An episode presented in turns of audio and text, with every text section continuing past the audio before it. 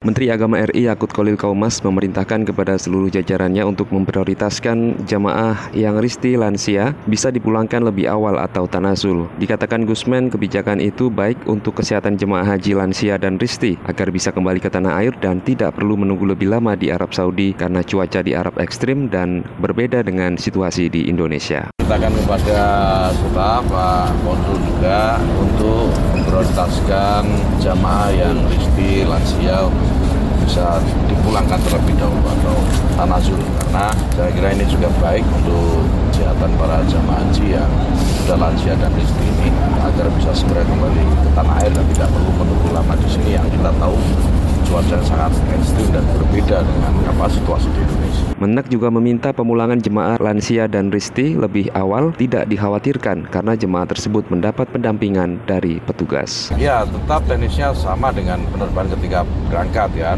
Tapi begini, kepulangan pasti kan ada yang kosong, kursi-kursi kosong itu yang nanti kita akan isi dengan jamaah lansia dan istri sesuai dengan embarkasinya masing-masing. Ya nanti di pesawat kan ada pendampingnya petugas. Tetap di pesawat ada petugasnya, mulai petugas kesehatan, ada PPIA juga ada, PPPAD juga ada. Jadi saya kira tidak perlu dikhawatirkan, warga di rumah juga tidak khawatir, doakan saja supaya jamaah yang nanti akan kita bawa pulang terlebih dahulu sehat-sehat dan selamat sampai tanah air. Berdasarkan data dari PPIH Arab Saudi per Kamis 6 Juli 2023, terdapat 676 jemaah yang mengajukan tanazul, baik karena alasan kesehatan maupun alasan lainnya yang memenuhi kriteria. Demikian dari Mekah Arab Saudi, Anton Riandra melaporkan.